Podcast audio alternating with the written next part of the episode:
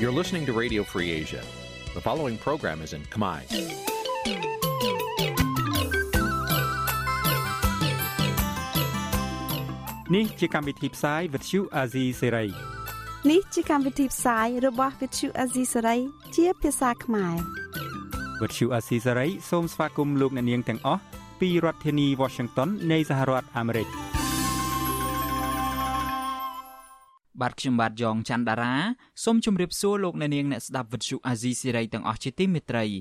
ខ្ញុំបាទសូមជូនកម្មវិធីផ្សាយសម្រាប់ព្រឹកថ្ងៃសៅរ៍9រោចខែស្រាបឆ្នាំថោះបัญចស័កពុទ្ធសករាជ2567ត្រូវនឹងថ្ងៃទី9ខែកញ្ញាគ្រិស្តសករាជ2023បាទជាដំបូងនេះសូមអញ្ជើញអស់លោកអ្នកនាងស្ដាប់ព័ត៌មានប្រចាំថ្ងៃដែលមានមេត្តាដូចតទៅ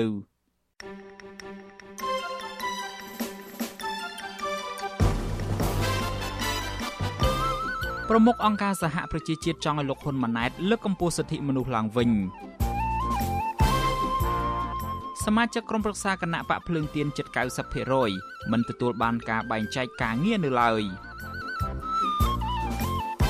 ប្រជាពលរដ្ឋនិងសង្គមស៊ីវិលស្នើរដ្ឋាភិបាលបង្ហាញចំណូលពីវិស័យរាយជាសាធារណៈ គណៈកម្មាធិការទន្លេមេគង្គផ្សាយរបាយការណ៍ថ្មីមួយបង្ហាញពីបញ្ហាប្រឈមដោយការបំពុលផ្លាស្ទិកបង្កឲ្យមានផលប៉ះពាល់ទន្លេឆ្លងដែនរួមនឹងព័ត៌មានសំខាន់ៗមួយចំនួនទៀត។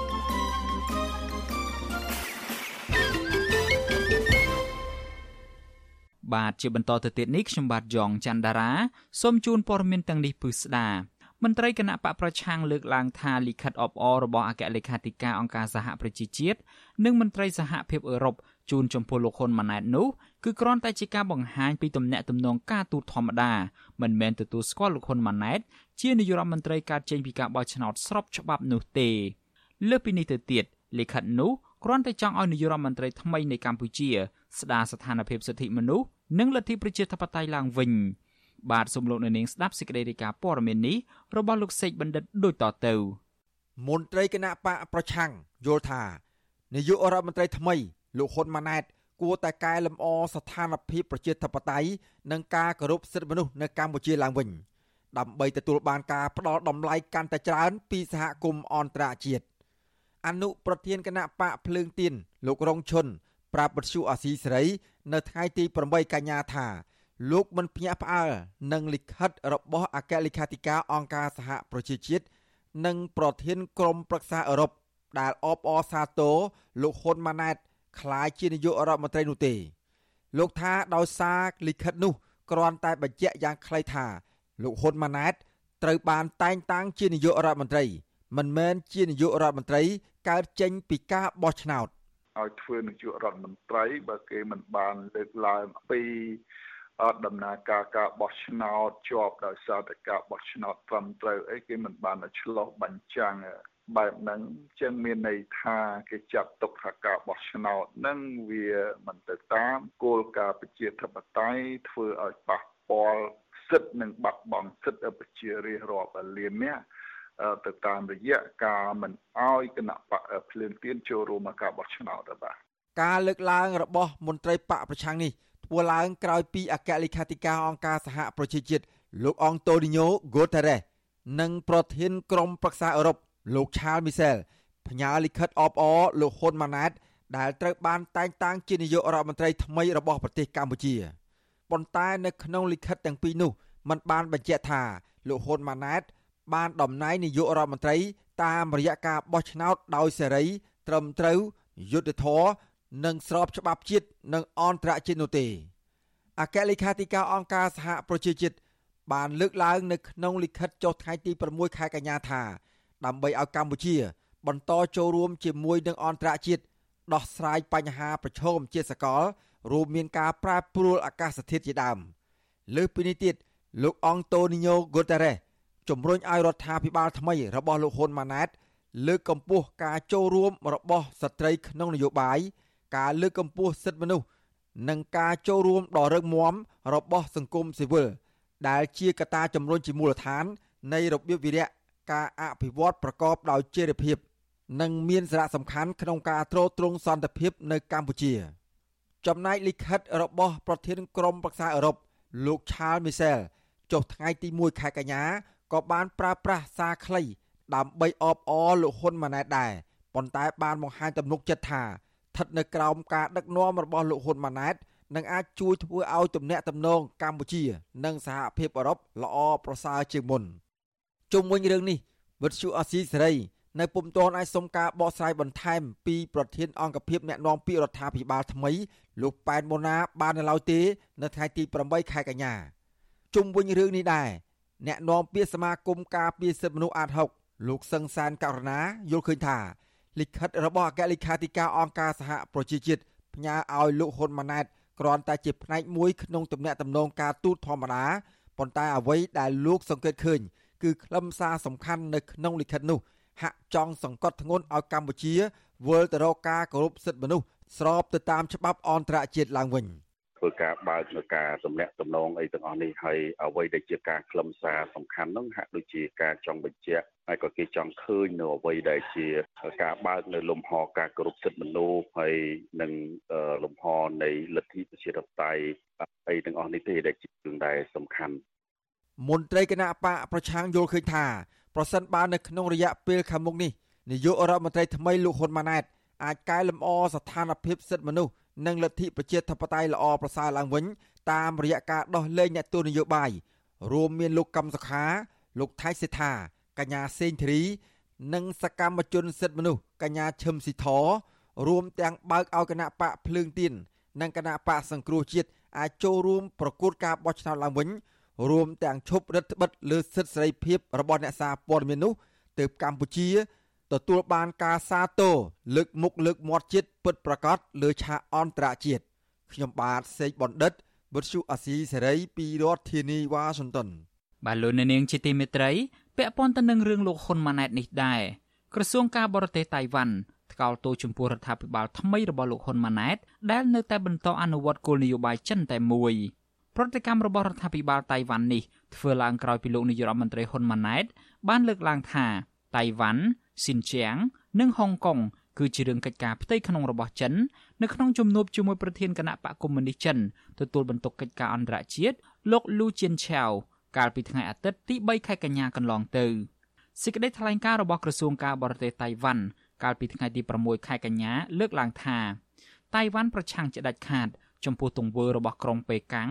ដែលឆ្លៀតយកឱកាសក្នុងជំនួបជាមួយមេដឹកនាំបរទេសដែលមកចូលរួមក្នុងកិច្ចប្រជុំកំពូលអាស៊ាននៅប្រទេសឥណ្ឌូនេស៊ីដើម្បីបញ្ជាក់ជំហរគោលនយោបាយចិនតែមួយរបស់ខ្លួននិងទាមទារជាឯកតោភាគីថាតៃវ៉ាន់ជាទឹកដីរបស់ចិនសេចក្តីថ្លែងការណ៍បន្តថា តៃវ៉ាន់ជាប្រទេសអធិបតេយ្យនិងឯករាជ្យមិនស្ថិតនៅក្រោមការគ្រប់គ្រងរបស់រដ្ឋាភិបាលចិនឡើយហើយដែលនេះគឺជាការពិតមិនអាចប្រកែកបានអាស្រ័យហេតុនេះរដ្ឋាភិបាលកម្ពុជានិងរដ្ឋាភិបាលតៃវ៉ាន់គួរផ្ដោតទៅលើកិច្ចសហប្រតិបត្តិការសេដ្ឋកិច្ចនិងពាណិជ្ជកម្មសម្រាប់ផលប្រយោជន៍គ្នាទៅវិញទៅមកដើម្បីពង្រីកទំនាក់ទំនងទ្វេភាគីនិងលើកកម្ពស់សុខុមាលភាពរបស់ប្រជាពលរដ្ឋនៃប្រទេសទាំងពីរសេចក្តីថ្លែងការណ៍បន្តទៀតថារដ្ឋាភិបាលតៃវ៉ាន់សង្ឃឹមថាលោកហ៊ុនម៉ាណែត នឹងបោះបង់ចោលនៅគោលនយោបាយមនោគមវិជ្ជាហួសសម័យហើយងាកមកគោរពអធិបតេយ្យរបស់តៃវ៉ាន់ដោយប្រកាន់យកអកប្បកិរិយាជាក់ស្ដែងបើកចំហនិងទទួលយកការពិត។វិទ្យុអាស៊ីសេរីមិនទាន់អាចតាក់ទងប្រធានអង្គភិបអ្នកនាំពាក្យរដ្ឋាភិបាលលោកប៉ែនបូណាដើម្បីសុំការឆ្លើយបំភ្លឺជុំវិញរឿងនេះបានទេ កាលពីថ្ងៃទី8ខែកញ្ញាម្សិលមិញរដ្ឋាភិបាលតៃវ៉ាន់បញ្ជាក់ថាខ្លួននឹងមិនចោះចាញ់ជាដាច់ខាតពីសម្ពាធរបស់រដ្ឋាភិបាលចិននោះទេ តៃវ៉ាន់នៅតែលើកដំកើងតម្លៃសេរីភាពនិងលទ្ធិប្រជាធិបតេយ្យហើយសហការយ៉ាងសកម្មជាមួយបណ្ដាប្រទេសប្រជាធិបតេយ្យដើម្បីប្រឆាំងទៅនឹងការពង្រីកអំណាចផ្ដាច់ការរបស់ចិនព្រមទាំងចូលរួមចំណែកដល់សន្តិភាព និងស្ថិរភាពនៅក្នុងតំបន់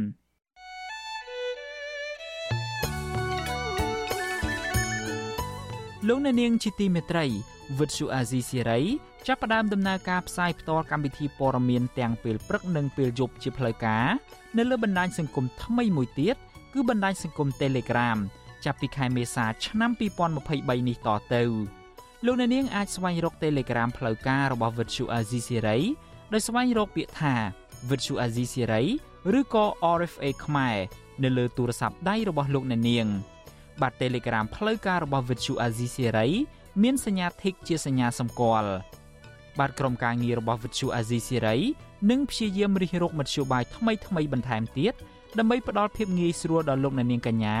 នៅក្នុងការស្ដាប់និងទស្សនាការផ្សាយព័ត៌មានរបស់យើង បាទសូមអរគុណ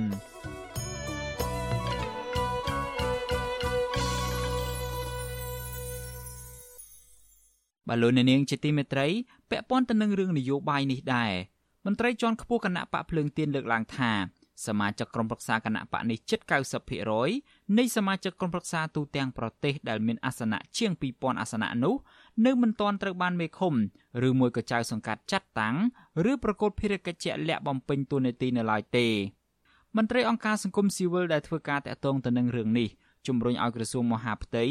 ណែនាំដល់មេឃុំឬមួយក៏ចៅសង្កាត់ឲ្យបែងចែកការងាររបស់សមាជិកក្រុមប្រឹក្សាគណៈបកភ្លើងទៀន ឲ្យដោយក្រុមប្រឹក្សាគណៈបកផ្សេងផ្សេងទៀតដែរដោយមិនប្រកាន់និន្នាការនយោបាយបាទនេះជាសេចក្តីរាយការណ៍របស់អ្នកស្រីម៉ៅសុធានីបាទទោះបីជាការបោះឆ្នោតជ្រើសរើសក្រុមប្រឹក្សាឃុំសង្កាត់មានរយៈពេលជាង1ឆ្នាំទៅហើយក្តីក៏ប៉ុន្តែសមាជិកក្រុមប្រឹក្សាគណៈបកភ្លើងទៀនជិត2000នាក់មិនទទួលបានភារកិច្ចដើម្បីបម្រើប្រជាប្រដ្ឋនៅក្នុងមូលដ្ឋានរបស់ខ្លួននោះឡើយ មន្ត្រីជាន់ខ្ពស់គណៈបកភ្លើងទៀននិងជាសមាជិកប្រឹក្សាគណៈបកនេះចាត់ទុកថាការមិនទាន់ប្រកុលភារកិច្ចតើឲ្យសមាជិកក្រុមប្រឹក្សាគណៈបកភ្លើងទៀនបែបនេះគឺជាការរើសអើងផ្នែកនយោបាយ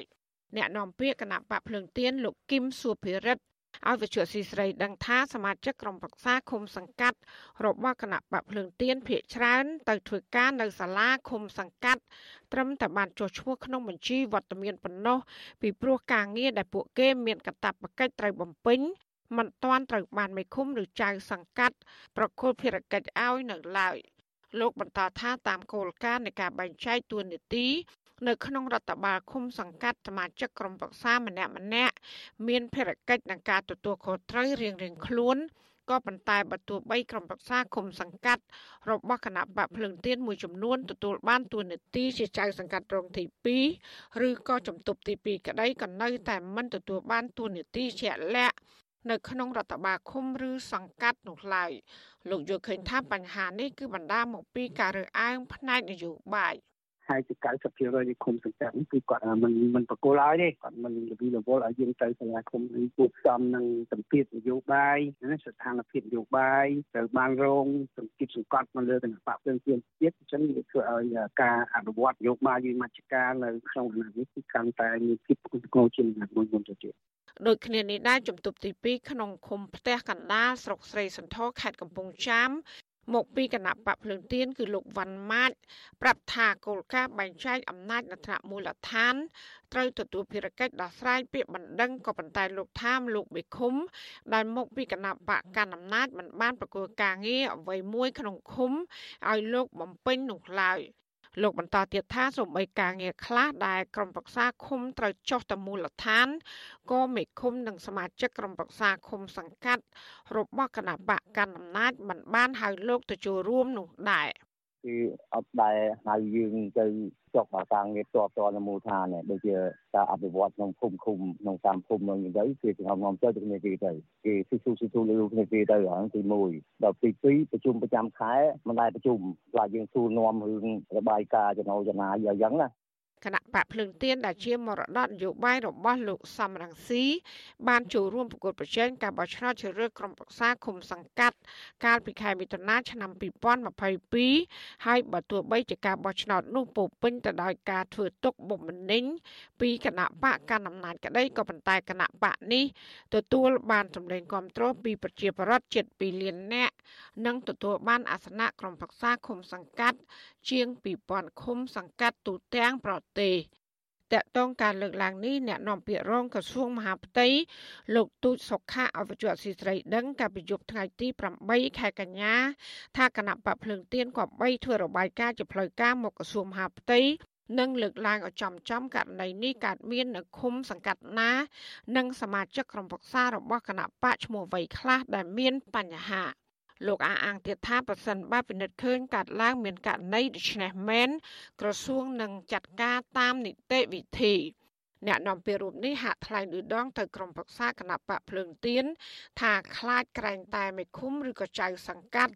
ប្រកល់ភារកិច្ចឲ្យសមាជិកក្រុមប្រឹក្សាគណៈបកភ្លើងទៀនរួចហើយ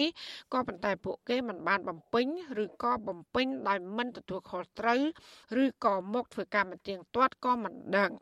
លោកទូចសុខៈបន្តទៀតថាក្រសួងមហាផ្ទៃចង់បានរបាយការណ៍ប្រកបដោយភាពប្រកបនិយមមានលក្ខណៈបែបវិទ្យាសាស្ត្រពីគណៈបកភ្លើងទៀនពុំមែនជារបាយការណ៍បែបនយោបាយកេងចំណេញគ្នានោះឡើយឆ្លើយតបទៅនឹងការលើកឡើងរបស់អ្នកនាំពាក្យក្រសួងមហាផ្ទៃបែបនេះអ្នកនាំពាក្យគណៈបកភ្លើងទៀនលោកគឹមសួរភិរិទ្ធប្រាប់ថាកន្លងទៅគណៈបកភ្លើងទៀន ក៏បានស្នើទៅក្រសួងមហាផ្ទៃដោះស្រាយបញ្ហានេះដែរហើយអតីតរដ្ឋមន្ត្រីក្រសួងមហាផ្ទៃលោកសខេងបាននិយាយនឹងផ្ដល់ដំណោះស្រាយល្អក៏ប៉ុន្តែប្រធានក្រុមប្រឹក្សាឃុំសង្កាត់នៅតាមមូលដ្ឋានមិនបានអនុវត្តតាមសម្ដីរបស់លោកសខេងនោះឡើយជុំវិញរឿងនេះដែរនាយកប្រតិបត្តិអង្គការឃ្លាំមើលការបោះឆ្នោតនៅកម្ពុជាហៅកាត់ថា NICFAC លោកសំគុណធីមីយកឃើញថានៅពេលនេះក្រសួងមហាផ្ទៃមានរដ្ឋមន្ត្រីថ្មី ដូច្នេះលោកថាគណៈបកភ្លឹងទៀនគួរស្នើទៅក្រសួងមហាផ្ទៃជាថ្មីទៀតដើម្បីឲ្យជួយរកដំណោះស្រាយលោកថាករណីមេឃុំចៅសង្កាត់មិនប្រគល់ភារកិច្ចដល់ក្រុមប្រឹក្សាឃុំសង្កាត់បែបនេះគឺធ្វើរាំងស្ទះដល់ការអភិវឌ្ឍនៅមូលដ្ឋាន ធ្វើឲ្យប្រជាប្រដ្ឋម្ចាស់ឆ្នោតខកចិត្តនិងជាការខ្ជះខ្ជាយថវិកាជាតិដែលចំណាយលើប្រាក់ខែរបស់ក្រុមប្រឹក្សាឃុំសង្កាត់ទាំងនោះ។ វិជាទី1វិជាប្រវត្តិហ្នឹងអ្នកបោះឆ្នោតហ្នឹងគេខកចិត្តហើយទី2ច្បាប់អត់ត្រូវគ្រប់ក៏បានគ្រប់តាមច្បាប់ច្បាប់មានតាមានឃុំចៅកាត់ធ្វើអីជាទុកទី1ចៅកាត់រឿងសពអាយ៉ាងហ្នឹងមានទាំងអស់មកច្បាប់ស្តីពីការគ្រប់គ្រងរដ្ឋបាលឃុំសង្កាត់បានចែងជាក់លាក់ពីការគ្រប់គ្រងរដ្ឋបាលឃុំសង្កាត់និងការបែងចែកសិទ្ធិអំណាចរបស់ក្រមប្រឹក្សាឃុំសង្កាត់ មាត្រា40នៃច្បាប់នេះចែងថាជំទប់ឬក៏ចៅសង្កាត់រង ជាជំនួយការរបស់មេឃុំចៅសង្កាត់ក្នុងការអនុវត្តភារកិច្ចដែលមេឃុំចៅសង្កាត់ប្រគល់ឲ្យជំទប់ទី1ឬចៅសង្កាត់រងទី1ទទួលជួយមេឃុំចៅសង្កាត់លើកកិច្ចការសេដ្ឋកិច្ចនិងហិរញ្ញវត្ថុចំណែកឯជំទប់ទី2ឬក៏ចៅសង្កាត់រងទី2វិញ គឺទទួលជួយមេឃុំឬចៅសង្កាត់លើកកិច្ចការរដ្ឋបាលសង្គមគិច្ច សេវាសាធារណៈនិងសណ្ដាប់ធ្នាប់សាធារណៈជាដើមបើទោះបីជាច្បាប់បានចែងដូចនេះក្តីក៏ប៉ុន្តែស្ថានភាពនយោបាយសពថ្ងៃនេះគណៈបកភ្លើងទៀនឬសមាជិករបស់ក្រមប្រឹក្សាឃុំសង្កាត់ តែងតែរងការធ្វើទុកបុកម្នេញពីសមត្ថកិច្ចឬពីប្រព័ន្ធតុលាការដែលស្ថិតក្រោមអធិបតេយ្យរបស់គណៈបកប្រជាជនកម្ពុជា ប្រធានគណៈបកប្រជាជនកម្ពុជាលោកហ៊ុនសែនតែងតែប្រមានចញឹកញាប់ថានឹងរំលាយគណៈបកភ្លើងទៀនដោយលោកចោទប្រកាន់ថាគណៈបកនេះមានតំណែងតំណងជាមួយលោកសំរងស៊ីចាននាងខ្ញុំម៉ៅសុធានីវិទ្យុអាស៊ីសេរីប្រធានាធិបតី Washington អាស៊ីសេរីលោកអ្នកនាងកំពុងស្ដាប់ការផ្សាយរបស់វិទ្យុអាស៊ីសេរីពីរដ្ឋធានី Washington នៃសហរដ្ឋអាមេរិកការបំពុលដោយផ្លាស្ទិក ចូលទៅក្នុងអាងទន្លេមេគង្គគឺជាបញ្ហាប្រឈមមួយ ក្នុងចំណោមបញ្ហាប្រឈមផ្សេងទៀតដែលគណៈកម្មាធិការទន្លេមេគង្គហៅកាត់ថា MRC កត់ត្រានៅក្នុងរបាយការណ៍ហើយស្នើឲ្យរដ្ឋាភិបាលតាមដងទន្លេមេគង្គយកចិត្តទុកដាក់ដោះស្រាយជាបន្ទាន់មន្ត្រីអង្គការសង្គមស៊ីវិលសង្កេតឃើញថាអាញាធរតាមដងទន្លេមេគង្គនិងទន្លេសាបនៅមិនទាន់គ្រប់គ្រងផ្លាស្ទិកបានល្អប្រសើរនៅឡើយទេដោយមានប្រជាពលរដ្ឋជាច្រើន នៅតែបន្តបោះសំរាមចូលក្នុងផ្ទៃទឹកទន្លេ បាទលោកអ្នកនាងនឹងបានស្ដាប់ព័ត៌មាននេះពឹស្ដានៅពេលបន្តិចទៀតនេះ។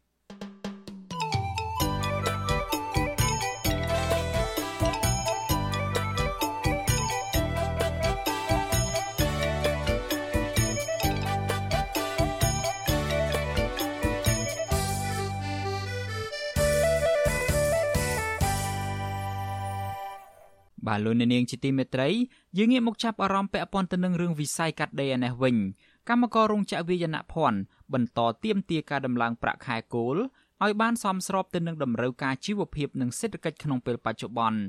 មន្ត្រីអង្គការសង្គមស៊ីវិលជំរុញឲ្យរដ្ឋាភិបាលធ្វើការឲ្យមានដំណាភាពដោយផ្អែកទៅលើស្ថានភាពជាក់ស្ដែងរបស់កម្មករជៀសវាងលំអៀងទៅខាងភៀកគីនយោជកកម្មករនៅតាមរោងចក្រកាត់ដេរមួយចំនួនត្អូញត្អែថាការដំឡើងប្រាក់ខែគោលត្រឹមតែ1ដុល្លារពីសំណាក់ក្រុមថៅកែសម្រាប់ឆ្នាំ2024 នឹងមិនអាចជួយសម្រួលជីវភាពពួកគាត់នៅក្នុងស្ថានភាពសេដ្ឋកិច្ចធ្លាក់ចុះដ៏លំបាកលំបិននេះបានឡើយកម្មការនីរោងចក្រកាត់ដេរនីអានឃីតកញ្ញាភួងរដ្ឋាប្រាប់វិទ្យុអាស៊ីសេរីនៅថ្ងៃទី8ខែកញ្ញាថារដ្ឋាភិបាលគួរតែចរចាជាមួយភាគីថៅកែឲ្យដំឡើងប្រាក់ឈ្នួលកម្មករឲ្យសមស្របទៅតាមការស្នើសុំចំនួន215ដុល្លារដើម្បីឲ្យកម្មករ អាចទប់ទល់ទៅនឹងតម្លៃទំនិញលើទីផ្សារដែលកើនឡើងថ្លៃពីមួយថ្ងៃទៅមួយថ្ងៃវាបានប៉ុណ្ណឹងមកវាគ្រាន់មកព្រោះអីរងថ្ងៃ2023នេះប្រាក់ខែគោ202អញ្ចឹងបើដល់2024ឡើងរៀងច្រើនតិចមកវាសមស្របនឹងឲ្យខែអីវ៉ាន់ទីផ្សារវាឡើងអញ្ចឹងទៅប្រាក់ខែយើងឡើងទៅវាអាចទប់បានអញ្ចឹងណាតែបើឡើងមិនតិចអីក៏វាពិបាកដែរ ស្រដៀងគ្នានេះដែរកម្មករធ្វើការនៅរោងចក្រផលិតកាបូបឌីឡាក់នៅរាជធានីភ្នំពេញលោកសួនរតនាថ្លែងថាការស្នើសុំប្រាក់ឈ្នួលអបបរមាចំនួន215ដុល្លាររបស់កម្មករនេះមិនមែនយកទៅធ្វើមានធ្វើបាននោះទេក៏ប៉ុន្តែគឺដើម្បីទប់ទល់ទៅនឹងបញ្ហាតម្លៃទំនិញនៅលើទីផ្សារឡើងថ្លៃស្របពេលដែលកម្មករភ័យច្រើនបាត់បង់ប្រាក់ចំណូលបណ្ដាលមកពីរោងចក្រព្យួរការងារនិងកាត់បន្ថយម៉ោងធ្វើការ មិនបាច់ចម្លើងអោយត្រឹមមួយរៀលព្រោះមួយរៀលហ្នឹងទៅឡើងមួយរៀលមកអ្វីអ្វីឡើងថ្លៃទៀតហើយការងារឥឡូវមិនទៅជាបូនស្មាយការងារយើងនេះប្រាក់ខែមកបើតាមខ្ញុំខ្ញុំថាអត់កើតរៀលនឹងកម្លាំងមកទៅអីការទៀមទារបស់ក្រុមកម្មករនេះគឺបន្ទាប់ពីកម្មករធ្វើការនៅតាមរោងចក្រមួយចំនួននាំគ្នាធ្វើយុទ្ធនាការលើកបដាបង្ហោះលើបណ្ដាញសង្គម Facebook ដែលមានខ្លឹមសារថាយើងត្រូវការ215ដុល្លារ នៅក្រៅពេលដែលកិច្ចពិភាក្សាស្ដីពីការកំណត់ប្រាក់ឈ្នួលភាគីសហជីពស្នើតួលេខ215ដុល្លារឯភាគីនយោជកឬក៏ថៅកែស្នើតួលេខ201ដុល្លារក្រសួងការងារនិងសហជីពនឹងបន្តកិច្ចពិភាក្សាស្ដីពីការកំណត់ប្រាក់ឈ្នួលអបបរមាផ្នែកវេយនភ័ណ្ឌនេះនៅថ្ងៃទី11ខែកញ្ញាបន្តទៀត វិទ្យុអាស៊ីសេរីមិនអាចតាក់ទងរដ្ឋមន្ត្រីក្រសួងការងារលោកហេងសួរនិងអគ្គលេខាធិការនៃសមាគមរោងចក្រកាត់ដេរនៅកម្ពុជា គឺលោកខេនលូដើម្បីសុំការបកស្រាយជុំវិញបញ្ហានេះបានទេ នៅថ្ងៃទី8ខែកញ្ញាជុំវិញរឿងនេះប្រធានសហភាពការងារកម្ពុជាលោកអាត់ថុនមានប្រសាសន៍ថាការស្នើសុំរបស់កម្មករនេះមិនច្រើននោះទេបើធៀបទៅនឹងការចំណាយប្រចាំខែរបស់ពួកគាត់ដែលជាមធ្យមមានប្រមាណ250ដុល្លារ លោកលើកឡើងថាយន្តការដំឡើងប្រាក់ឈ្នួលរបស់កម្មករកន្លងទៅហាក់មិនបានវាយតម្លៃដោយផ្អែកទៅលើស្ថានភាពជាក់ស្ដែងរបស់កម្មករនោះទេពីព្រោះភាគីនយោជករដ្ឋាភិបាល និងសហជីពដែលលំអៀងទៅរកនយោជកមានឥទ្ធិពលច្រើនជាងសហជីពដែលតំណាងឲ្យកម្មករពិតប្រាកដ វាមិនខុសគ្នាទេនៅពេលដែលយន្តការវាមិនមានភាពយុត្តិធម៌ឬដំណាភាពយូរយូរទៅធ្វើឲ្យកម្មករយល់ឃើញថាយន្តការហ្នឹងគាត់តែល្អមើលហើយធ្វើបាបគាត់គាត់នឹងអាចធ្វើការតវ៉ាទងទ្រាយធំឡើងវិញអញ្ចឹងវាអាចដែរអញ្ចឹងយើងក៏ស្នើឲ្យនយោជកនិងរដ្ឋាភិបាលកុំប្រឡែងចោលឬកុំធ្វើអីស្រេចចិត្តដោយអ្វីគិតតែត្រូវគិតអំពីសម្លេងសហជីពឯករាជ្យនិងកម្មករផងរបាយការណ៍អង្កេតបឋមរបស់អង្គការសង្ត្រាល់រកឃើញថារោងចក្រមួយចំនួន បានកាត់បន្ថយបុគ្គលិកជាមធ្យមពី20ទៅ30%ក្នុងឆ្នាំ2023នេះហើយកម្មករនិយោជិតមួយចំនួនធំ បាត់បង់ប្រាក់ចំណូលចន្លោះពី25ទៅ30%បើប្រៀបធៀបនៅក្នុងឆ្នាំ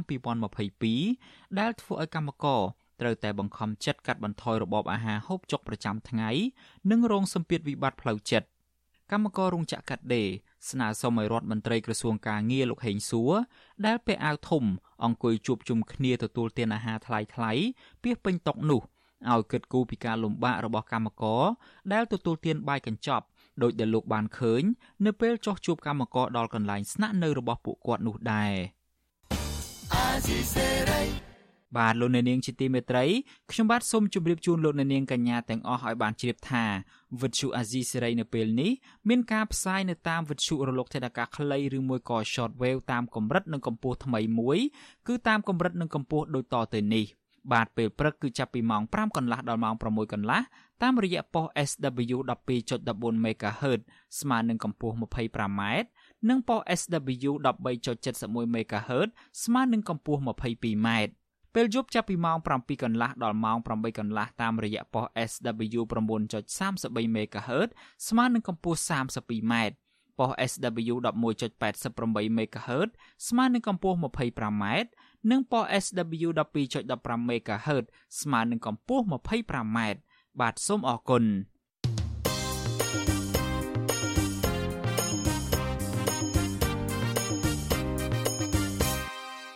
បាទលោកនាងជាទីមេត្រីពាក់ព័ន្ធទៅនឹងរឿងវិវាទការងារនៅក្រុមហ៊ុន Casino NagaWorld ឯនេះវិញដោយសារតែអស់ជំរឹះនៅក្នុងការពឹងពាក់និងស្វែងរកយុត្តិធម៌ពីស្ថាប័នរដ្ឋនោះក្រុមកោតក្រ NagaWorld បានងាកទៅយករឿងបនបាប និងធ្វើរឿងអបិយជំនឿវិញម្ដងក្រុមកម្មករនាំគ្នាធ្វើពិធីផឹកទឹកសម្បត្តិដើម្បីបញ្ជាក់ថាការតស៊ូធ្វើកោតកម្មទាមទារដំណោះស្រាយការងាររបស់ពួកគាត់តាំងពីដើមរហូតមកដល់ពេលបច្ចុប្បន្ននេះ គឺគ្មានគណៈបកនយោបាយនិងបរទេសណានៅពីក្រោយនោះទេ បាទពិធីផឹកទឹកសម្បត្តិនេះធ្វើឡើងនៅមុខក្រុមហ៊ុន Nagaworld ក្នុងពេលពួកគាត់ជួបជុំគ្នាបន្តធ្វើកោតកម្មកាលពីថ្ងៃទី8ខែកញ្ញានៅក្នុងពិធីនេះក្រុមកោតក្របានរៀបចំដាក់តាំងព្រះពុទ្ធរូបផ្កាភ្ញីផ្លែឈើនិងទឹកសម្បត្តិនៅលើតុព្រមទាំងបដាដែលសរសេរថាពិធីផឹកទឹកសម្បត្តិដើម្បីបង្ហាញភាពស្មោះត្រង់ថាគ្មានគណៈបកនយោបាយនិងបរទេសនៅពីក្រោយ បន្ទាប់មកទៀត ក្រុមកោតក្រមួយចំនួនដែលស្លៀកសពាក់សនិងអុជធូបគ្រប់ដៃនិងលុតជង្គង់ផឹកទឹកសម្បត្តិម្ដងម្នាក់ម្ដងម្នាក់ពួកគាត់បួងសួងប្រហាក់ប្រហែលគ្នាថាក្រោយពិធីផឹកទឹកសម្បត្តិនេះសូមឲ្យថ្នាក់ដឹកនាំនិងរដ្ឋាភិបាលផ្លាស់ប្តូរចិត្តគំនិតចោលឈប់ចោលប្រកាន់ទាំងគ្មានមូលដ្ឋានលើពួកគាត់ថាមានគណៈបកនយោបាយនិងបរទេសនៅពីក្រោយខ្នងពួកគាត់ទៀតហើយងាកមកមើលពួកគាត់ក្នុងផ្លូវល្អហើយជួយរកដំណោះស្រាយឲ្យកម្មករខ្មែរបានយុត្តិធម៌ពិតប្រាកដ សម្រាប់ខ្ញុំនិងក៏បន្តទាំងអស់គ្នានេះពិតជាតវ៉ារឿងការងាររឿងឆ្នាំបាយមិនមែនជារឿងនយោបាយហើយក៏អត់បានស៊ីឈ្នួលបរទេសណាម្នាក់ដែរតែពួកយើងគឺតវ៉ាដើម្បីសិទ្ធិខ្លួនឯងយើងបានព្យាយាមបង្ហាញទៅគេច្រើនដងហើយឥឡូវយើងឈប់និយាយគឺយើងប្រមូលគេស្មត់ម្ដងដើម្បីបញ្ជាក់នេះខ្ញុំស្មត់ត្រង់តែចិត្តតែកាយរបស់យើងវាមិនមែនជាការលេងសើចទេពីព្រោះថាពុទ្ធសាសនាយើងប្រជាជនខ្មែរយើងគឺគោរពទៅលើពុទ្ធសាសនាអញ្ចឹង ចឹងខ្ញុំសូមស្ដាប់នៅមុខព្រះពុទ្ធហើយនឹងមានសម្ដេចជួនណាដែលនៅទីនេះផ្ទាល់ហ្មងថាខ្ញុំពិតជាมันមានការស៊ីឈ្នួលពីតកែបរទេសណាមួយដើម្បីមកសម្ដែងទេតែពួកយើងគឺមកទៀមទាសិទ្ធិសេរីភាពការងារពីតកែណាកាវើសូមប្រមូលថារដ្ឋាភិបាលមើលឃើញរឿងទាំងអស់ហ្នឹងផង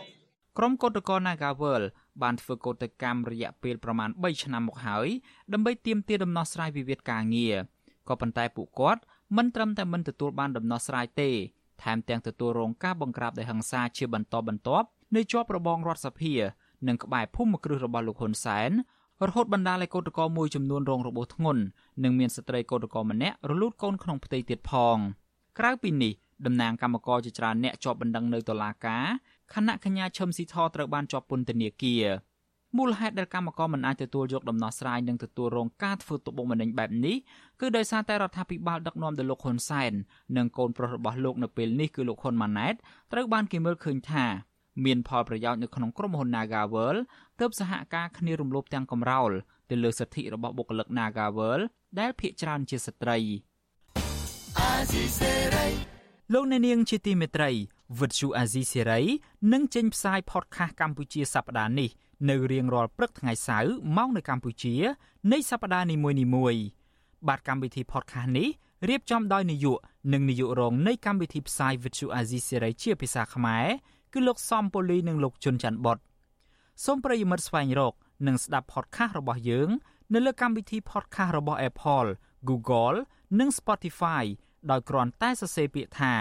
កម្ពុជាសប្តាហ៍នេះឬ Cambodia This Week នៅក្នុងប្រអប់ស្វែងរក យើងក៏នឹងចាក់ផ្សាយកម្មវិធី podcast នេះឡើងវិញនៅក្នុងកម្មវិធីផ្សាយផ្ទាល់របស់យើងតាមបណ្ដាញសង្គម Facebook, YouTube និង Telegram នៅរៀងរាល់យប់ថ្ងៃច័ន្ទម៉ោងនៅកម្ពុជា បាទសូមអរគុណ thank you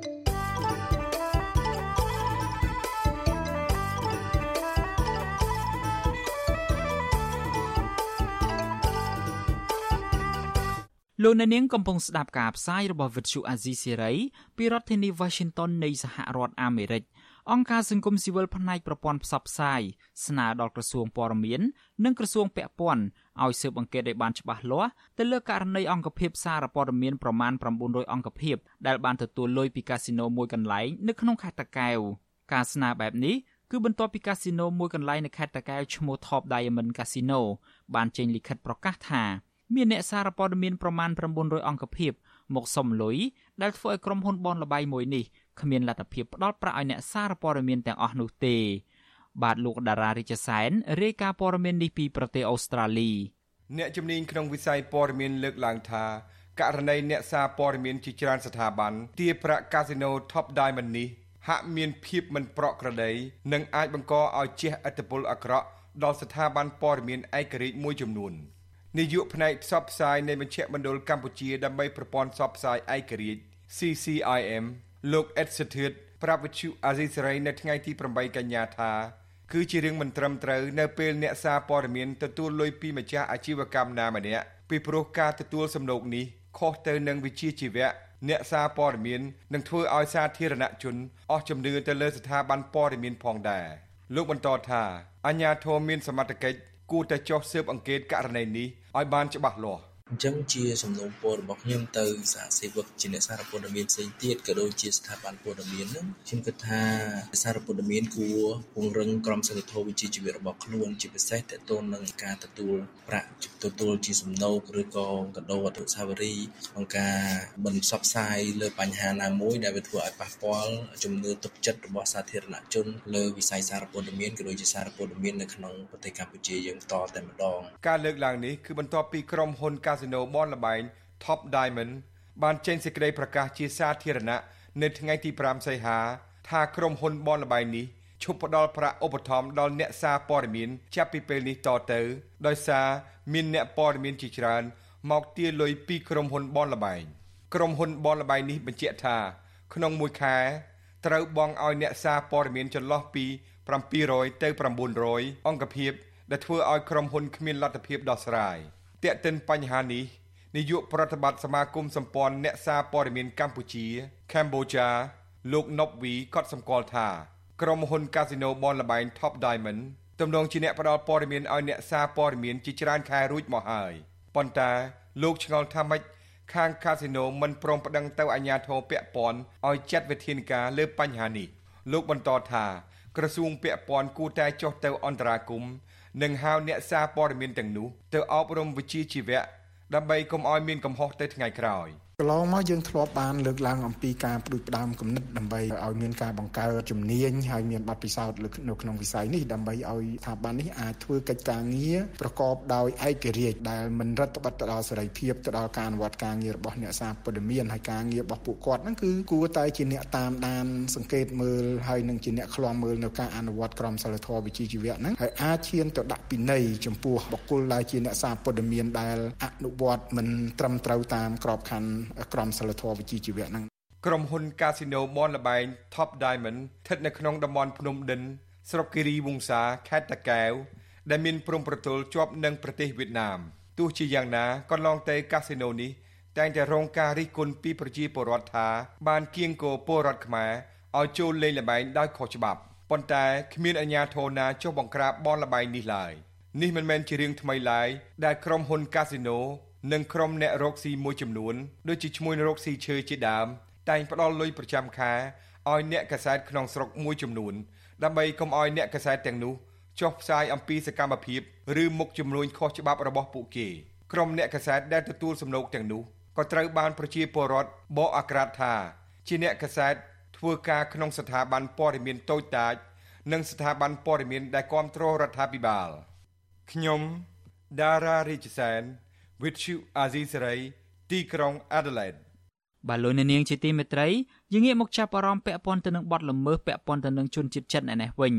តុលាការក្រុងភ្នំពេញបានផ្តន្ទាទោសជនជាតិចិនចំនួន8នាក់ឲ្យជាប់ពន្ធនាគារម្នាក់ម្នាក់ពី18ទៅ22ឆ្នាំពីបទចាប់ជំរិតនិងកាន់កាប់អាវុធដោយខុសច្បាប់ព្រមទាំងបណ្តេញចេញពីកម្ពុជាក្រោយអនុវត្តទោសរួចប្រធានក្រុមប្រឹក្សាជំនុំជម្រះលោកកុយសៅ កាលពីរសៀលថ្ងៃទី8ខែកញ្ញាម្សិលមិញប្រាប់កាសែតក្នុងស្រុកថា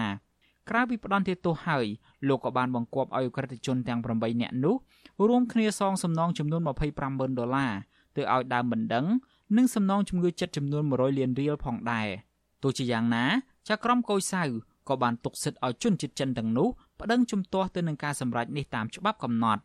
កម្លាំងសមត្ថកិច្ចនយោបាយកឋានចារកម្មនិងនយោបាយកឋានកណ្ដាលសន្តិសុខ នៃអគ្គស្នងការដ្ឋាននគរបាលជាតិបានឃាត់ខ្លួនជនជាតិចិនទាំង8នាក់នោះពីបទបង្ខាំងមនុស្សខុសច្បាប់ធ្វើទរណកម្មដើម្បីចម្រិតទារប្រាក់និងកាន់កាប់អាវុធដោយគ្មានច្បាប់អនុញ្ញាតនៅផ្ទះ3កន្លែងខុសៗគ្នាក្នុងរាជធានីភ្នំពេញអ ுக ្រិតជនចិនទាំង8នាក់នោះបានធ្វើសកម្មភាពចាប់ជំរិតទារប្រាក់ពីជនជាតិចិនដូចគ្នាប្រមាណ10លានដុល្លារអាមេរិកកាលពីពាក់កណ្ដាលខែមេសាឆ្នាំ2023ពាក់ព័ន្ធទៅនឹងការចាប់ជំរិតទារប្រាក់នេះដែរអាជ្ញាធរខេត្តកណ្ដាល ខេត្តស្វាយរៀងនិងខេត្តព្រះសីហនុបានសហការជាមួយអាជ្ញាធរវៀតណាមកាលពីថ្ងៃទី3ខែកញ្ញាកន្លងទៅ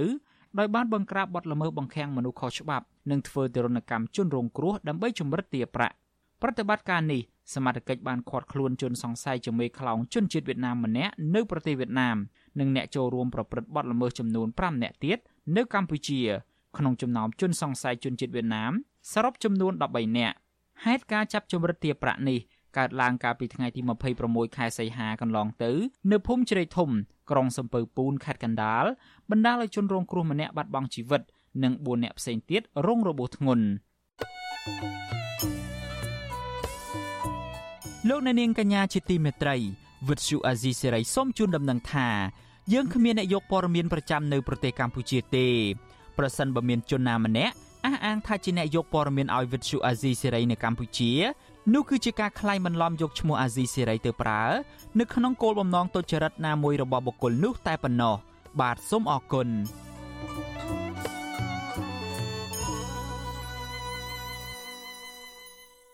បាទលោកនាងជាទីមេត្រីពាក់ព័ន្ធទៅនឹងរឿងវិស័យរ៉ែឯនេះវិញប្រជាពលរដ្ឋនៅក្បែរអាជីវកម្មរ៉ែស្នើដល់រដ្ឋាភិបាលឲ្យទទួលខុសត្រូវចំពោះការផ្ដល់សិទ្ធិដល់ក្រុមហ៊ុនរុករកអាជីវកម្មរ៉ែណា ដែលបំផ្លិចបំផ្លាញដីស្រែចម្ការ និងទាមទារឲ្យរដ្ឋាភិបាលបង្ហាញចំណូលពីវិស័យរ៉ែទាំងនោះជាសាធារណៈមន្ត្រីសង្គមស៊ីវិលថាចំណូលដែលបានមកពីវិស័យរ៉ែកន្លងមក ហាក់មិនមានភាពប្រក្រតីនោះទេ បើប្រៀបធៀបទៅនឹងធនធានរ៉ែដែលបាត់បង់បាទនេះជាសេចក្តីរាយការណ៍ព័ត៌មានរបស់លោកទីនហ្សាការីយ៉ាបរដ្ឋនិងសង្គមស៊ីវិលស្នើដល់រដ្ឋាភិបាលបង្ហាញចំណូលដែលបានមកពីវិស័យរ៉ែជាសាធារណៈនិងបែងចែកចំណូលដែលមានពីវិស័យនេះ អភិវឌ្ឍនៅសហគមន៍មូលដ្ឋានដែលជាក្រុមអ្នកការពារធនធានទាំងនោះបរដ្ឋនៅជាក្រុមហ៊ុនជីកយករ៉ែមាសដែលខំខេត្តព្រះវិហារលោកស្រីយឹមសុផាត លើកឡើងថាអស់រយៈពេលជាង20ឆ្នាំមកហើយដែលក្រុមហ៊ុនចិននេះបានឈូសឆាយដីសហគមន៍ជនជាតិគួយជាង50គ្រួសារហើយអាជ្ញាធរមិនបានស្វែងរកដំណោះស្រាយជូនដល់ពលរដ្ឋរហូតមកដល់បច្ចុប្បន្នជនជាតិដើមភាគតិចគួយលោកស្រីយឹមសុផាន បានលើកឡើងទៀតថាសហគមន៍ដែលបាត់បង់ដីធ្លី កំពុងតែរស់នៅទាំងលំបាកដោយសារតែពួកគាត់មិនមានស្រែចម្ការធ្វើដូចមុននិងសំបីតែអនុផលព្រៃឈើដូចជាពួកគាត់រកបាន ពីចំណូលដាំដំឡូងមីក្ដួចនិងបន្លែព្រៃក៏ក្រុមហ៊ុនបានបំផ្លាញទាំងអស់ដែរ ប៉ះហើយប៉ះប៉ះលោកគ្រូហើយប៉ះប្រជាពលរដ្ឋជនជាតិខ្មែរដើមប៉ះដីប៉ះឃ្លីអស់ខ្ញុំអត់មានបាយហូបទេអស់ខ្ញុំរាល់ថ្ងៃនេះจิตទំទៀងស្ងោក៏វិតជាមួយអង្គកន្លះកំប៉ុងហើយដីពាក្យប្តឹងយើងដាក់ដល់ទៅតឡាការដាក់ទៅខេតដាក់ទៅស្រុកដាក់ទៅឃុំដាក់ទៅដល់អង្គភាពប្រឆាំងពើពុកលួយហើយ តែអត់មានដំណោះដោះស្រាយជូនប្រជាពលរដ្ឋទេគេនៅសងំជើងគេថាតែដីរឹតដីក្រុមហ៊ុន ចំណាយឯប្រជាពលរដ្ឋរស់នៅក្បែរក្រុមហ៊ុនមួយទៀតគឺក្រុមហ៊ុន Let Change Mining Development ខេត្តកំពង់ធំ ដែលកំពុងតែធ្វើអាជីវកម្មរ៉ែមាសដោយសុំមិនបញ្ចេញឈ្មោះឲ្យដឹងថាក្រុមហ៊ុនចិននេះបំផ្លាញផលដំណាំរបស់ប្រជាពលរដ្ឋដែលរស់នៅជុំវិញនោះ និងបង្ហូរទឹកកខ្វក់ ចូលអូដែលប្រជាពលរដ្ឋប្រើប្រាស់ប្រចាំថ្ងៃលោកថាក្រុមហ៊ុននិងមន្ត្រីពាក់ព័ន្ធគួរតែសិក្សាពីផលប៉ះពាល់ជាមុននិងគួរតែផ្ដល់ថវិកាខ្លះសម្រាប់អភិវឌ្ឍមូលដ្ឋានដែលកំពុងតែខ្វះខាត ដូចជាសាលារៀនមន្ទីរពេទ្យជាដើមអត់ដែលលឺមានទេលោកគ្រូអត់ដែលលឺយល់ថាផ្ដល់ឲ្យខាងសហគមន៍យើងដែលប្រឹងនៅថែសារដូចថាខាងជាជនយើងនៅដូចថាអោបជាងពេលឡងណាលោកគ្រូ ហើយគេអត់ដែលថាផ្ដល់តំណែងអីទីថវិកាឲ្យជាប្រវត្តិអត់មានយល់ទេបាទលោកគ្រូបើតាមយោបល់ខ្ញុំថាចង់ឲ្យខាងក្រុមហ៊ុននោះគេរុករ៉ែរអីទៅដល់គាត់ថាឲ្យគេជួយខាងសហគមន៍ជាជនខ្វះខាតដោយសពថ្ងៃវិទ្យុអាស៊ីសេរីមិនអាចតកតងអ្នកនាំពាក្យក្រសួងរាយនឹងធម្មពលលោកជាបសួរនិងរដ្ឋមន្ត្រីក្រសួងរាយនឹងធម្មពលលោកកែវរតនៈដើម្បីសំសួរអំពីបញ្ហានេះបានទេកាលពីថ្ងៃទី8កញ្ញា សេចក្តីព្រាងរវត្ថុឆ្នាំ2023បានលើកឡើងថា ចំណូលដែលបានមកពីការសម្បទានរ៉ែក្នុងឆ្នាំ2022ទទួលបានចំណូលជាង136,000លានរៀលឬជាង32លានដុល្លារអាមេរិកប្រធានអង្គការសម្ព័ន្ធគណនេយ្យភាពសង្គមកម្ពុជាលោកសនជ័យមានប្រសាសន៍ថាការបាត់បង់ធនធានធម្មជាតិនិងធនធានរ៉ែមិនមានសមាមាត្រទៅនឹងប្រាក់ចំណូលដែលរដ្ឋាភិបាលទទួលបាននោះឡើយ លោកសនជ័យថារដ្ឋាភិបាលត្រូវតែបង្ហាញចំណូលពីវិស័យនេះជាសាធារណៈនិងចាត់វិធានការផ្លូវច្បាប់លើក្រុមហ៊ុនដែលមិនបានចុះបញ្ជីឬរំលោភបំពានលើសិទ្ធិបរិវត្ត យើងយល់ថាអាចនៅមានចំណុចខ្វះខាតដោយសារតែមានអាជីវកម្មរ៉ែខ្លះត្រូវបានពលរដ្ឋលើកឡើង ថាមើលទៅមានភាពមិនមិនមិនប្រក្រតីហើយអាចថាជាប្រភេទអាជីវកម្មរ៉ែខុសច្បាប់ដូចជាការបូមខ្សាច់អីជាដើមអញ្ចឹងជាវិធានការបន្តយើងចង់ឃើញមានការចាត់វិធានការផ្លូវច្បាប់ប្រឆាំងការប្រកបអាជីវកម្មរ៉ែនេះ លោកសនជ័យបន្តថារដ្ឋាភិបាលគួរតែមានកញ្ចប់ផែនការជាក់លាក់សម្រាប់ការអភិវឌ្ឍដល់សហគមន៍មូលដ្ឋាន និងជនជាតិដើមដែលជាអ្នកការពារធនធានទាំងអស់នេះពីព្រោះកន្លងមកលោកសង្កេតឃើញថាប្រជាពលរដ្ឋនៅតាមមូលដ្ឋានមិនទទួលបានការយកចិត្តទុកដាក់ពីរដ្ឋាភិបាលនោះឡើយខ្ញុំបាទទីនសាការីយ៉ាអស៊ីសេរីពីរដ្ឋធានី Washington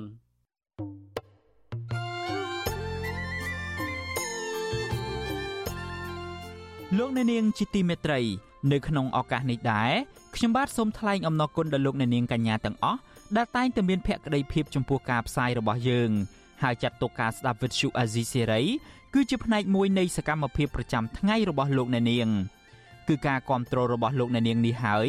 ដែលធ្វើឲ្យយើងខ្ញុំមានទឹកចិត្តកាន់តែខ្លាំងក្លាថែមទៀតនៅក្នុងការស្វែងរកនិងផ្តល់ព័ត៌មានជូនលោកអ្នកនាង មានអ្នកស្ដាប់អ្នកទស្សនាកាន់តែច្រើន កាន់តែធ្វើឲ្យយើងខ្ញុំមានភាពស្វាហាប់មោះមុតជាបន្តទៅទៀតយើងខ្ញុំសូមអរគុណទុកជាមុនហើយសូមអញ្ជើញលោកអ្នកនាងកញ្ញាទាំងអស់ចូលរួមជំរុញឲ្យសកម្មភាពផ្តល់ព័ត៌មានយើងនេះកាន់តែជោគជ័យបន្ថែមទៀតលោកអ្នកនាងអាចជួយយើងខ្ញុំបានដោយគ្រាន់តែចុចចែករំលែកឬមួយក៏ Share ការផ្សាយរបស់យើងនៅលើបណ្ដាញសង្គម Facebook និង YouTube ទៅកាន់មិត្តភ័ក្តិដើម្បីឲ្យការផ្សាយរបស់យើងបានទៅដល់មនុស្សកាន់តែច្រើន បាទសូមអរគុណ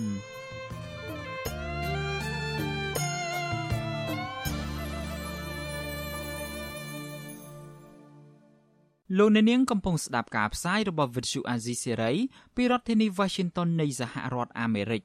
ការបំពុលដោយផ្លាស្ទិកចូលទៅក្នុងអាងទន្លេមេគង្គគឺជាបញ្ហាប្រឈមមួយ ក្នុងចំណោមបញ្ហាប្រឈមផ្សេងទៀតដែលគណៈកម្មាធិការទន្លេមេគង្គហៅកាត់ថា MRC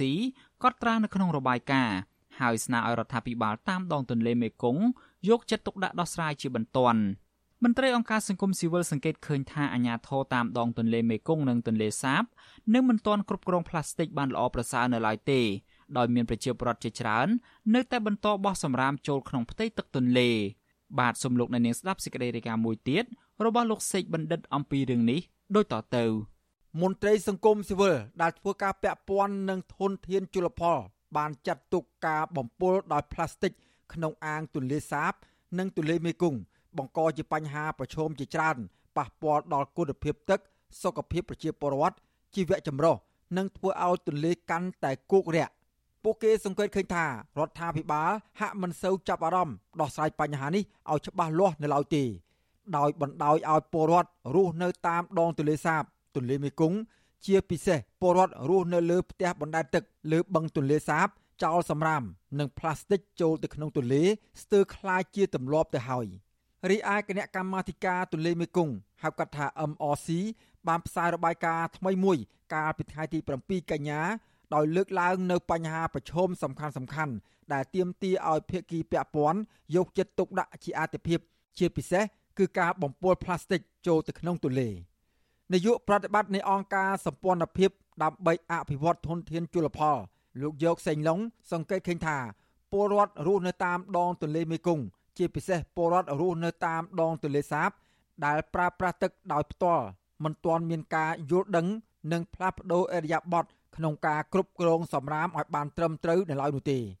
លោកបញ្ជាក់ថាពលរដ្ឋទាំងនោះតែងតែចោលសម្រាមផ្លាស្ទិកនិងខោទឹកនោមកូនក្មេងចូលទៅក្នុងទឹកទន្លេសាប ធ្វើឲ្យទន្លេគោករាក់ប៉ះពាល់ដល់បរិស្ថានទន្លេសុខភាពសាធារណៈនិងគុណភាពទឹកជាដើម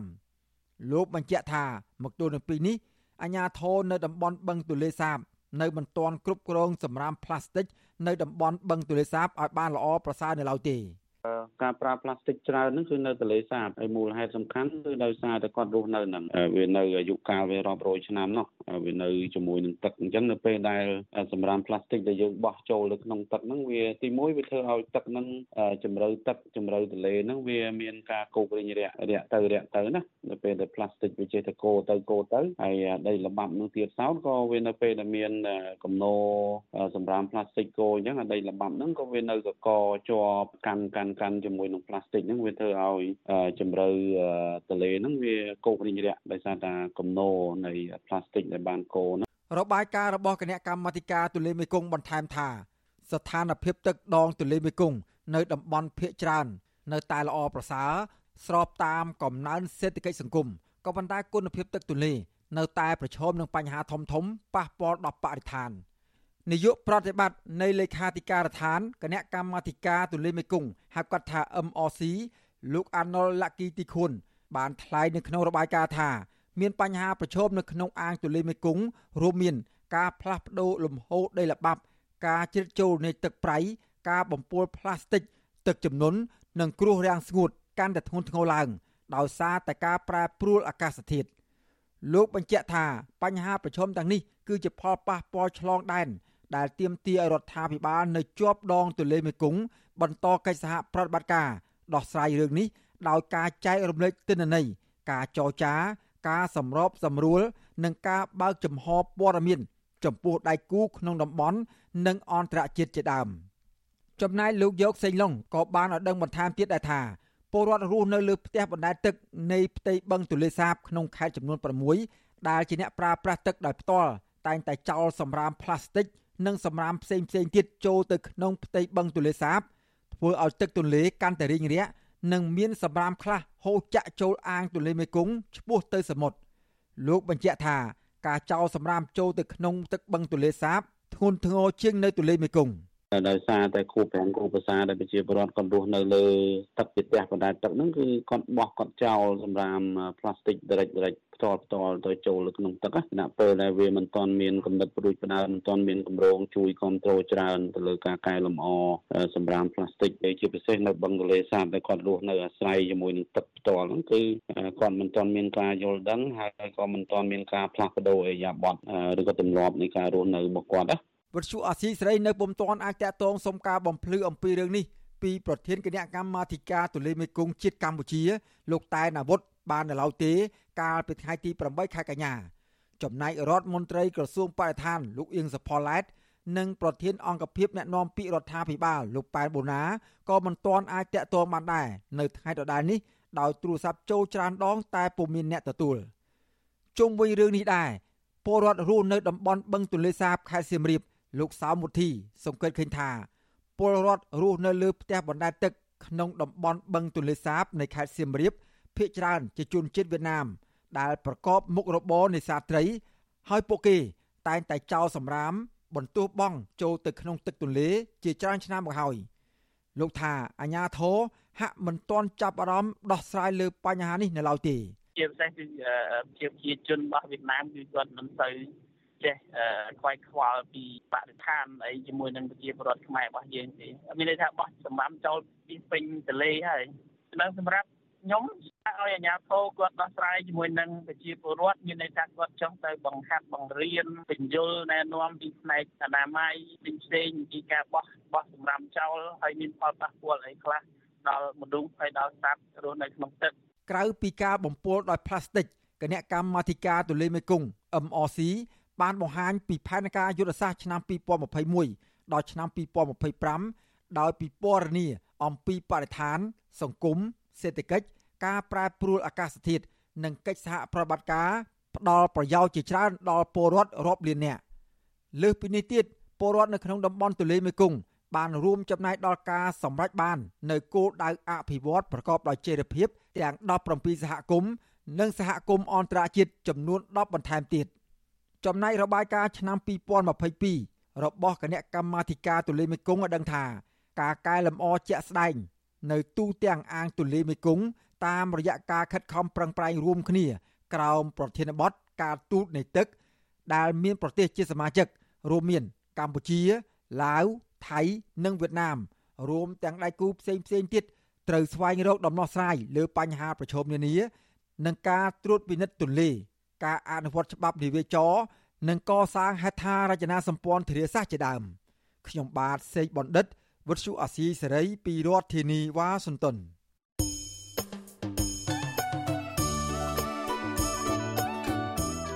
លោកអ្នកនាងជាទីមេត្រីក្រៅពីការតាមដានកម្មវិធីផ្សាយរបស់ Vuthu Azizi Serai នៅតាមបណ្ដាញសង្គម Facebook YouTube និង Telegram លោកអ្នកនាងក៏អាចតាមដានកម្មវិធីផ្សាយរបស់យើង នៅតាមរយៈបណ្ដាញ Instagram បានដែរតាមរយៈតំណ link ដែលមានអាសយដ្ឋាន www.instagram.com/rfa ខ្មែរអាស៊ីសេរីបន្តខិតខំផ្សព្វផ្សាយព័ត៌មានពិតទៅកាន់បងប្អូនតាមរយៈបណ្ដាញសង្គមផ្សេងផ្សេងនិងសម្បូរបែបដើម្បីឲ្យលោកអ្នកនាងងាយស្រួលតាមដានកម្មវិធីផ្សាយរបស់អាស៊ីសេរីគ្រប់ពេលវេលា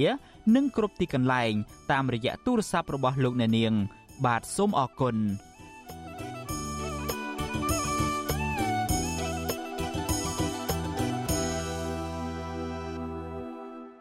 បាទលោកអ្នកនាងជាទីមេត្រីយើងងាកមកចាប់អារម្មណ៍ពាក់ព័ន្ធទៅនឹងបញ្ហាជីវភាពរបស់ពលរដ្ឋឯនេះវិញ ប្រជាកសិករនៅក្នុងខេត្តបាត់ដំបងកំពុងប្រឈមការខាតបង់ដោយសារតែស្រូវដែលកំពុងប្រមូលផល បានធ្លាក់ថ្លៃជាបន្តបន្ទាប់ខណៈថ្លៃដើមសម្រាប់ធ្វើកសិកម្មឡើងខ្ពស់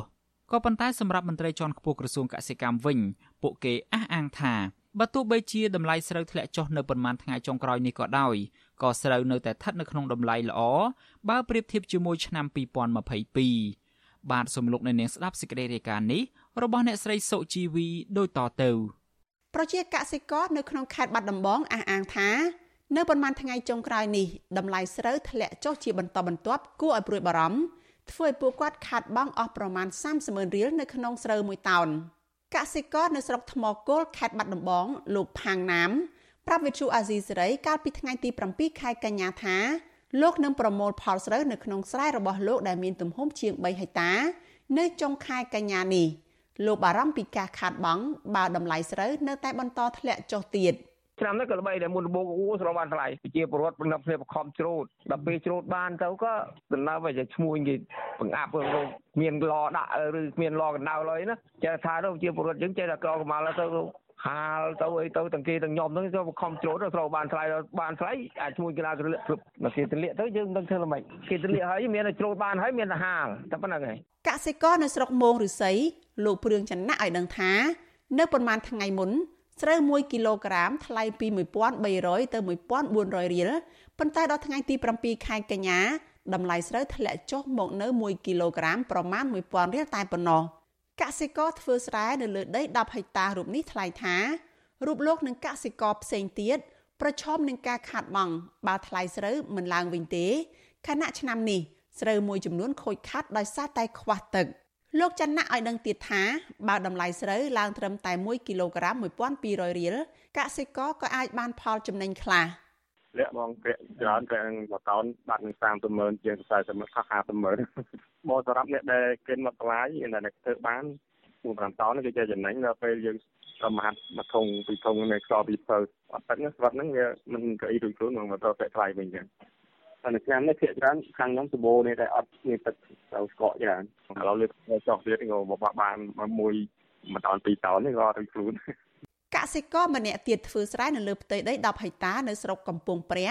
លោកបូភ័ក្រ ថ្លែងដោយក្តីបារម្ភថារយៈពេល10ថ្ងៃចុងក្រោយនេះស្រូវធ្លាក់ថ្លៃជាបន្តបន្ទាប់លោកបន្តថារូបលោក និងកសិករផ្សេងទៀតកំពុងបាក់ទឹកចិត្តហើយបារម្ភថានឹងមិនមានលុយបង់សងធនាគារជាបរិវត្តគាត់បាក់ទឹកចិត្តហ្នឹងដោយសារពីមុនមកវាថ្លៃដល់ថ្នាក់1300ដល់ឥឡូវធ្លាក់សល់តែ 1100ឬក៏1050អីចេះបងថ្លៃជីថ្លៃអីហ្នឹងវាគាត់ទៅទូទាត់ជាមួយផ្សៃប្រេងវិញស្មើដើមហ្មងជាបរិវត្តនៅបងធនាគារមិនតាន់ហ្នឹងឯងបងអើយបើធ្លាក់ថែមទៀតមានវិជាបរដ្ឋរត់ចោលស្រុកហ្នឹងមានអីបងបើធនាគារកណ្ដាលបើតាមលោកបូភ័ក្រស្ថាប័នធនាគារឬគ្រឹះស្ថានមីក្រូហិរញ្ញវត្ថុបច្ចុប្បន្នរឹតបន្តឹងនិងមិនចង់ផ្ដល់កម្ចីឲ្យកសិករយកទៅធ្វើស្រែនោះទេ ព្រោះពួកគេបារម្ភថាកសិករបង្ខាត មិនមានលុយសងបំណុលកសិករថានៅក្នុងខេត្តបាត់ដំបងមានឈ្មួញ3ក្រុមប្រមូលទិញស្រូវគឺឈ្មួញថៃឈ្មួញវៀតណាមនិងឈ្មួញខ្មែរដែលមានរោងម៉ាស៊ីនកិនស្រូវនៅក្នុងស្រុកពួកគេថាតម្លៃស្រូវបានឡើងដល់1400រៀលនៅក្នុង1គីឡូក្រាមនាពេលកន្លងទៅ គឺឈ្មួញវៀតណាមជាអ្នកទិញវិទ្យុអាស៊ីសេរីនៅមិនទាន់អាចតាក់ទងអភិបាលខេត្តបាត់ដំបងលោកសុកលូ និងអ្នកនាំពាក្យក្រសួងកសិកម្មកញ្ញាអឹមរចនាដើម្បីសាកសួរជុំវិញបញ្ហានេះបានទេ នៅថ្ងៃទី7ខែកញ្ញាទោះជាយ៉ាងណារដ្ឋលេខាធិការក្រសួងកសិកម្មលោកយ៉ងសង្គមាសរសេរនៅលើបណ្ដាញ Telegram របស់លោកនៅថ្ងៃទី7ខែកញ្ញាថាតម្លៃស្រូវទោះជាធ្លាក់ចុះបន្តិចនៅប៉ុន្មានថ្ងៃចុងក្រោយនេះក៏នៅតែល្អបើប្រៀបធៀបនឹងឆ្នាំ2022 ដែលស្រូវទទួលបានតម្លៃតែ800ទៅ900រៀលនៅក្នុង1គីឡូក្រាមលោកបន្តថាក្រសួងកសិកម្មកំពុងផ្សព្វផ្សាយឲ្យកសិករទុកស្រូវឲ្យទុំល្អចាំប្រមូលផល ហើយទើបលក់បានតម្លៃខ្ពស់ទាំងឈ្មួញនៅក្នុងស្រុក និងឈ្មួញបរទេសកសិករនៅក្នុងខេត្តបាត់ដំបងឲ្យដឹងថាតម្លៃជីនៅក្នុង1បេ150,000រៀលប្រេងសាំង1លីត្រជិត5000រៀលបូកទាំងថ្លៃភ្ជួរថ្លៃថ្នាំជាដើមនោះ ក្នុង1ហិកតាពួកគាត់ចំណាយអស់ប្រមាណ2លាន5សែនរៀលអគ្គលេខាធិការនៃសហព័ន្ធស្រូវអង្ករកម្ពុជាលោកលុនយេងពន្យល់ថាតម្លៃស្រូវនៅកម្ពុជាប្រែប្រួលពាក់ព័ន្ធនឹងការនាំចេញអង្ករទៅឥណ្ឌាមីយ៉ាន់ម៉ានិងទៅវៀតណាម ហើយតម្លៃស្រូវទាំងអស់នេះមិនមែនផ្អែកនៅលើយើងទេផ្អែកទៅលើតម្រូវការនៃការទិញនៃវៀតណាមដែរព្រោះវៀតណាមគាត់គាត់អត់សូវសម្បូរទៅគាត់ទិញច្រើនទៅតែទិញច្រើនដដើមនេះទិញហើយធម្មតាដដើមនេះទិញរបស់អីក៏តាដដើមវារៀងឡើងថ្លៃណាហើយសម្រាប់រោងម៉ាស៊ីនរបស់យើងនៅស្រុកខ្មែរនេះគាត់ទិញធម្មតាគាត់អត់មានណាទៅអីចាំឲ្យចុះថោកមិនទិញទេព្រោះគាត់ធ្វើអាជីវកម្មគាត់វិនិយោគម្នាក់ម្នាក់ឡអស់ឡសម្ងួតឡអីអស់ម្នាក់4 10លានដុល្លារគាត់ទៅទិញបញ្ឈរចោលមិនកើត គោលនយោបាយយុទ្ធសាស្ត្របញ្ចកោណរបស់រដ្ឋាភិបាលអាណត្តិទី7បានលើកឡើងពីការលើកស្ទួយវិស័យកសិកម្មផ្ដោតលើការអភិវឌ្ឍកសិកម្មទំនើបជំរុញការប្រកួតប្រជែងនិងលើកស្ទួយជីវភាពរបស់ប្រជាពលរដ្ឋនៅតាមតំបន់ជនបទប៉ុន្តែបច្ចុប្បន្នកសិករអះអាងថា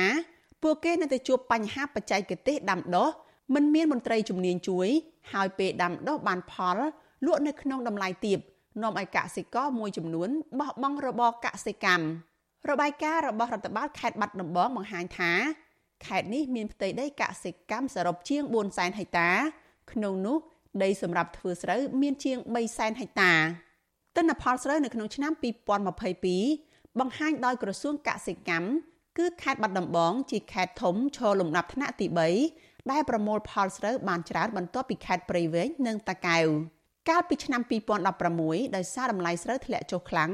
កសិករនៅស្រុកសង្កែខេត្តបាត់ដំបងប្រមាណ1000នាក់នាំគ្នាចាក់ស្រូវនៅលើផ្លូវជាតិលេខ5ដើម្បីតវ៉ាឲ្យរដ្ឋាភិបាលដំឡើងថ្លៃស្រូវស្ដារជីវភាពរបស់ពួកគេ នាងខ្ញុំសុជីវីវិទ្យុអាស៊ីសេរីពីរដ្ឋធានី Washington